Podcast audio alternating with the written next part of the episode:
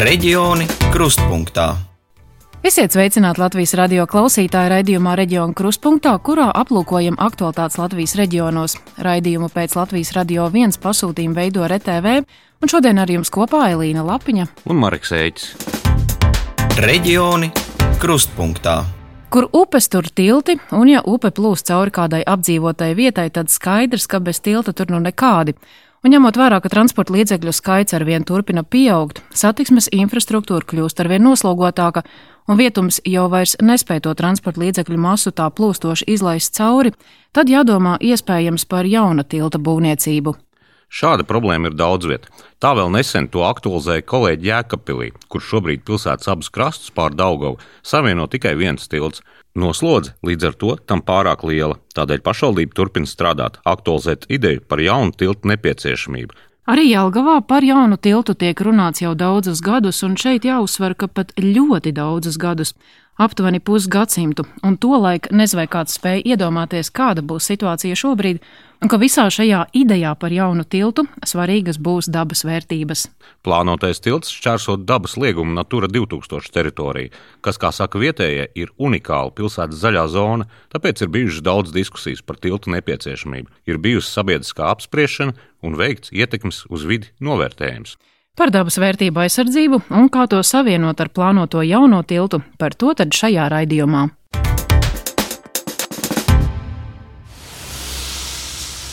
Kāpēc Jelgavā ir nepieciešams jauns tilts, pašvaldībā norāda trīs iemeslu dēļ. Viens ir satiksmes drošība un pilsētas centra atslogošana no smagā transporta, otrs - CO2 izmešu samazināšana pilsētas centra teritorijā un trešais - sociāla-ekonomiskais faktors.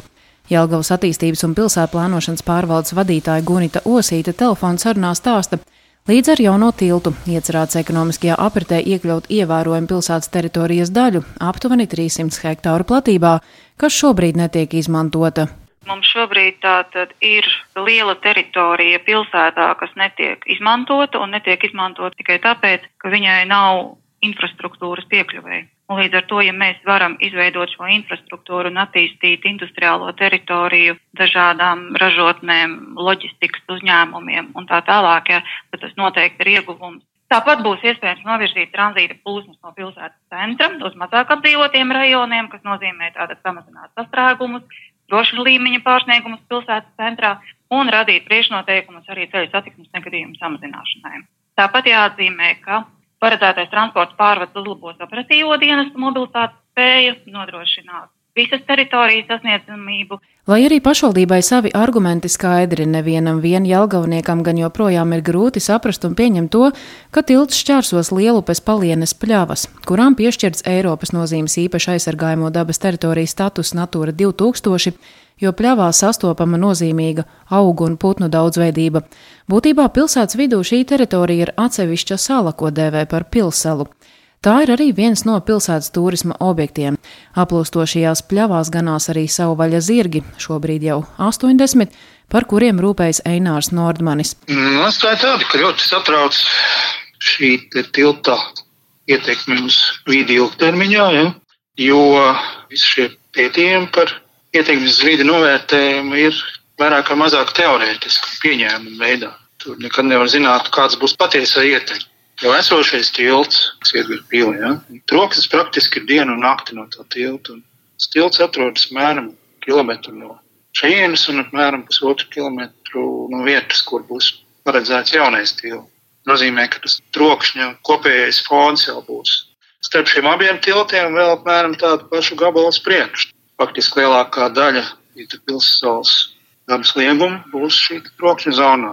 Tas var traucēt eh, tieši šajā lieguma aizsargājumā putnu sugām, nikdošanas laikā un vispār dzīvot. Nu, visvairāk man satrauc tas, ka ilgtermiņā var izrādīties, ka pēc šī tilta uzbūvēšanas paiet teiksim, gadi 10, 15 un vienā brīdī izrādās, ka šis liegums vairs nav aktuāls kā tāds.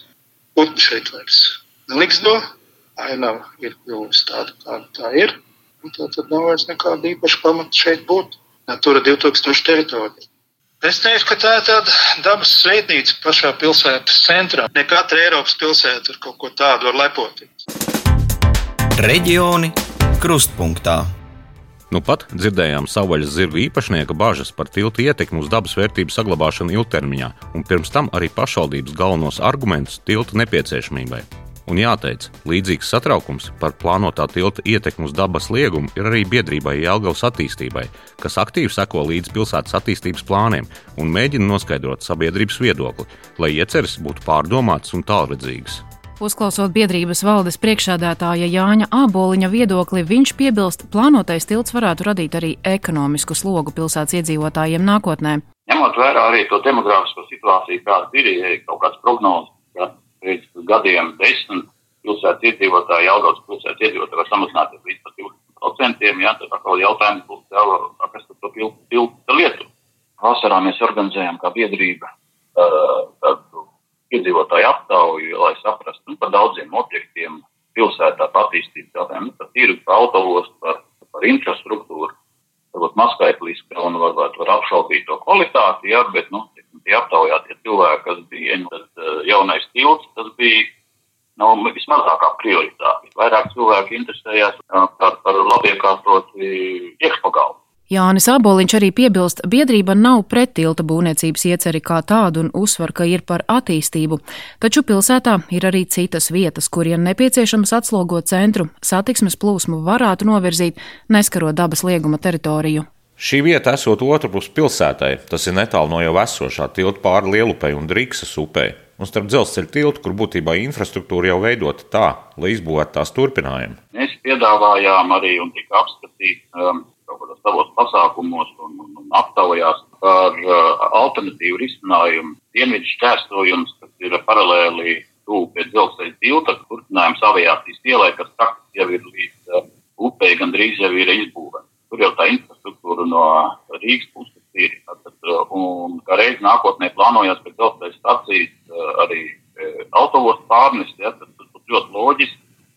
Šajā vietā būtu tilts Pašvaldībā piebilst, tāpēc ir veikts ietekmes uz vidi novērtējums, bez kura ieceri tālāk virzīt nemaz nevarētu, un turpina Gunita Osīte, Jelgavas attīstības un pilsētu plānošanas pārvaldes vadītāja. Ir izskatītas alternatīvas, un arī, arī dzelzceļa tiltam blakus ir eh, vērtēta iespējamība veidot vēl vienu tiltu bet šis tilts bija plānots jau no 1959. gada, un pilsētas būvnieciskā situācija abos pilsētas krastos attīstījās jau ievērtējot šo transporta koridoru. Līdz ar to izvērtējot citas alternatīvas, tas nenestu to efektivitāti, kāda ir šobrīd eh, tātad, veidojot tiltu tieši šajā vietā, kur viņš jau ir vairāk kā pusgadsimtu plānots. 2019. gada oktobrī ministru kabinets arī balstoties jau uz šo birojā iesniegto ietekmes uz vidu novērtējumu ziņojumu. Un sagatavotiem mazinumiem ir izdevis rīkojumu, par kuru atzīt, ka Jelgavas pilsētas pašvaldības paredzētā darbība, tātad šī pārvada izveidošana, ir vienīgais risinājums pilsētas satiksmes organizācijas kā arī pilsētas ziemas daļas sociālās un ekonomiskās attīstības nodrošināšanai, kā arī atzīts, ka transporta pārvads pār Lielupi un Driksas upi Jālgos pilsētā nepieciešama sabiedrībai nozīmīgu interešu apmierināšanai. 2015. gadā, kad mēs uzsākām ietekmes uz vidu novērtējumu ziņojumu izstrādi, bija sākotnējā, sākotnējā apspriešana, kurā piedalījās 89 dalībnieki un tika saņemti arī ļoti daudz priekšlikumi un ieteikumi. Un tās galvenās eh, bažas Eh, galvenokārt bija saistīta ar dabas vērtību aizsardzības un kultūra vēsturisko vērtību saglabāšanu. Eh, šobrīd ietekmes uz vidu novērtējumu ziņojumā tas tātad tā kā viņš ir izstrādāts atbilstoši programmai, šis ir ņemts vērā, un arī tad, kad jau bija ziņojuma publiskā apspriešana, kas notika 19. gada pavasarī, nebija tādu konkrētas sabiedrības nostājas pret šai iecerē būvēt tiltu, bet, protams, joprojām bija bažas gan par dabas vērtībām, gan par lielupes hidroloģiskā režīma izmaiņām, gan par lielupes izmantošanu turismu un sporta vajadzībām, un par tātad jau ieceras īstenošanu kā tādu, kad notiks būvdarbi šajā salā. Attīstības un pilsētu plānošanas pārvaldes vadītāji uzsver, ņemot vērā, ka vislielākais apgrūtinājums ir Natura 2000 teritorija, pamatā ietekme varētu būt uz ornitofaunu, un, lai saglabātu tajā esošās vērtības, Tā teritorijas daļa, kas tiks skarta tiltu vajadzībām, tiks kompensēta ar līdzvērtīgu teritoriju - 56,8 hektāru platībā. Ir paredzēts, ka tiek veidotas kompensējošas teritorijas Drikstas upes kreisajā krastā un Lielupas labajā krastā. tieši šādā platībā, un šajās teritorijās tiks nodrošināts piemērot ekstensīvas apsaimniekošanas režīms, un nākotnē tas varētu kļūt par ekoloģiski vienotu lielu palienu zālienu kompleksa daļu. Un, lai samazinātu ietekmi uz ornitofaunu, tiltam ir paredzēta arī necaurredzama vai pret sadursmēm efektīvi marķēta vairogu siena, vismaz 2,5 metru augstumā, virs brauktuves līmeņa, kas samazinātu putnu sadursmi ar stiklotām virsmām un, un automašīnām. Un vēl ziņojums nosaka, ka paredzētās darbības ietekmes mazināšanā paredzēta arī citi pasākumi, tajā skaitā ierobežojumi noteikšana būvdarbu veikšanai putnu lidošanas periodā, braukšanas ātruma ierobežojumi noteikšana uz tilta, zālē un citu teritoriju apsaimniekošu pasākumu veikšana. Gunita Osīta vēl piebilst, ka šis ietekmes uz vidi novērtējuma ziņojums ir ļoti būtisks solis visā šajā procesā, jo pēc būtības pasaka, vai tiltu var vai nevar būvēt. Un nākamais solis jau ir Jelgavas pilsētas domē pieņemt lēmumu par būvniecības ieceres īstenošanu. Viss tālākais process jau atkarīgs no finansējuma pieejamības. Tāda lūk situācija Jelgavā, bet raidījuma noslēguma daļā vēl uzklausīsim arī ornitologu viedokli, kurš sagatavoja savu ekspertu atzinumu par iespējamo ietekmi uz putniem. Nu, izdevās atrast vienu tādu vismaz interesantu teritoriju, nedaudz uz leju no pilsētas lielupas kreisajā krastā, lejpus strikta kura pašlaik ir tromaina un viņa norobežo no upes valnis, bet ja viņi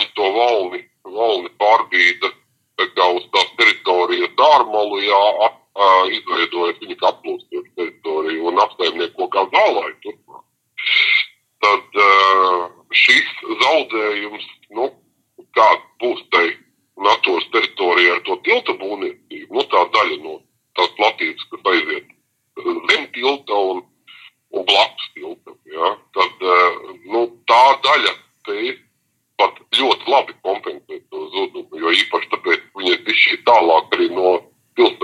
Ornitologs Rolands Lebus arī uzskata, ka putni spētu iedzīvoties kompensētajā palienas teritorijā, bet vēlreiz uzsver, ka tā būs jāuztur.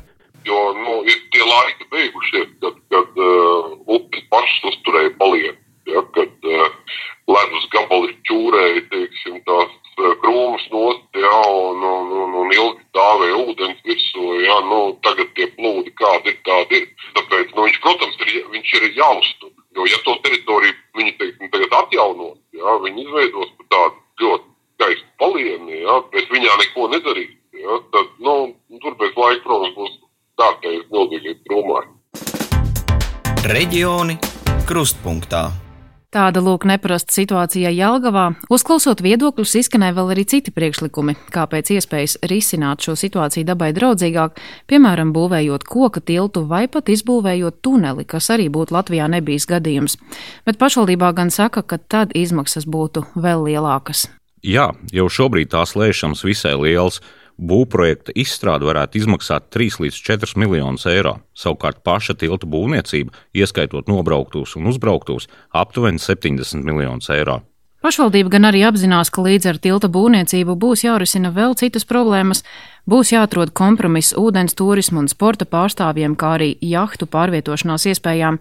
Iepriekš izskanējuši arī viedokļi, ka jahtas netiks cauri, jo tilts būs par zemu, bet pašvaldībā piebilst, ja to celtu augstāk, tas arī projekta izmaksas tikai palielinātu.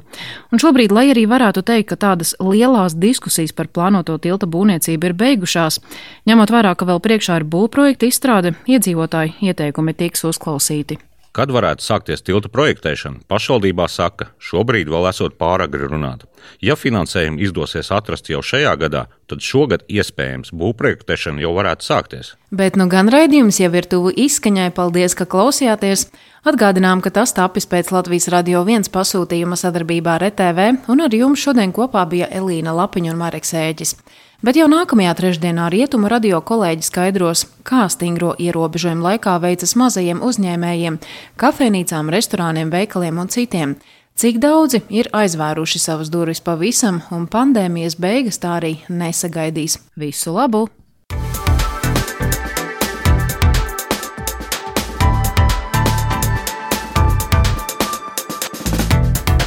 Reģioni krustpunktā.